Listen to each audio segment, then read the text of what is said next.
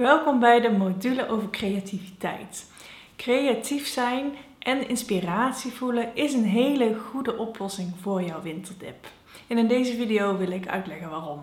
Ik denk echt dat we van allemaal van nature creatief zijn. Als we ons goed voelen, worden we creatiever. En als we creatief bezig zijn, dan voelen we ook ons beter. En uit onderzoek blijkt ook dat creativiteit en met creatieve dingen bezig zijn, dat het een hele uh, goede methode is om met depressie en andere psychische problemen om te gaan. Het kan bijvoorbeeld een uitlaatklep zijn voor zware emoties of uh, negatieve gedachten, maar het kan ook een escape zijn, een soort ontspanning om uh, ja, even te ontsnappen aan de stress of juist de saaiheid van het alledaagse leven. Ik heb wel eens gehoord dat het tegenovergestelde van je depressief voelen is niet je gelukkig voelen, maar nieuwsgierig zijn. Als we ons depressief voelen, dan zijn we eigenlijk niet meer echt nieuwsgierig. We vragen ons niet meer af hoe dingen werken, we experimenteren niet meer en we spelen niet meer. En in creativiteit zit ook heel erg die nieuwsgierigheid. Dus dat nieuwsgierig zijn, dat experimenteren en spelen en creatief bezig zijn, kan echt heel goed helpen tegen je down voelen. En misschien heb jij een bepaalde associatie bij creativiteit. Hè? Dat je dan heel erg uh, grote doeken moet schilderen of zo. Of misschien denk je, ja, maar ik heb helemaal geen uh, creatieve hobby. Of ik ben helemaal niet creatief.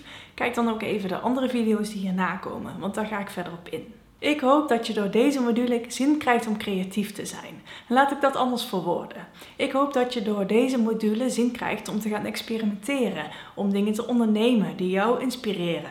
Dat je nieuwsgierig wordt, dat je misschien stopt met alleen maar consumeren, bijvoorbeeld dingen van tv of social media, maar dat je iets zelfs gaat creëren wat uit jouzelf komt. Ik hoop dat je zin krijgt om iets nieuws te gaan ondernemen of iets nieuws te gaan proberen, over welk onderwerp het dan ook is. Kortom, ik hoop dat deze module je helpt om dat innerlijke vuurtje te voelen. Ik noem het je innerlijke vuurtje omdat ik het zelf ook echt zo voel. Als ik geïnspireerd ben, als ik veel creatief bezig ben, dan voel ik in mezelf een soort vuurtje wakker wat ook in de winter niet uitgaat. Vroeger, maar ook in de afgelopen jaren, heb ik tijdens de herfst en in de, in de winter en tijdens de kerstvakantie telkens opnieuw Harry Potter boeken gelezen. En elke keer bracht me dat weer in die fantasiewereld. Ik kon weer even ontsnappen. En dat bracht me ook elke keer weer opnieuw ideeën.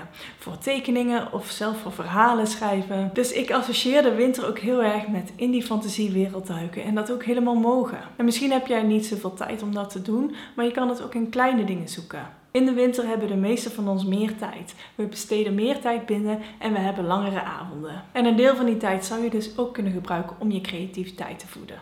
Er is nog een andere link tussen winter en creativiteit die ik heel erg zie.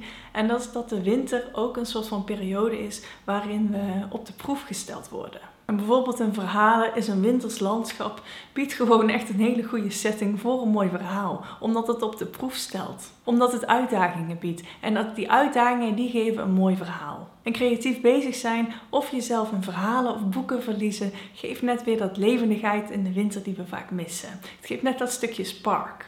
Oké, maar hoe doen we dit dan allemaal? In de volgende video's geef ik je genoeg tips en ga ik hier verder op in.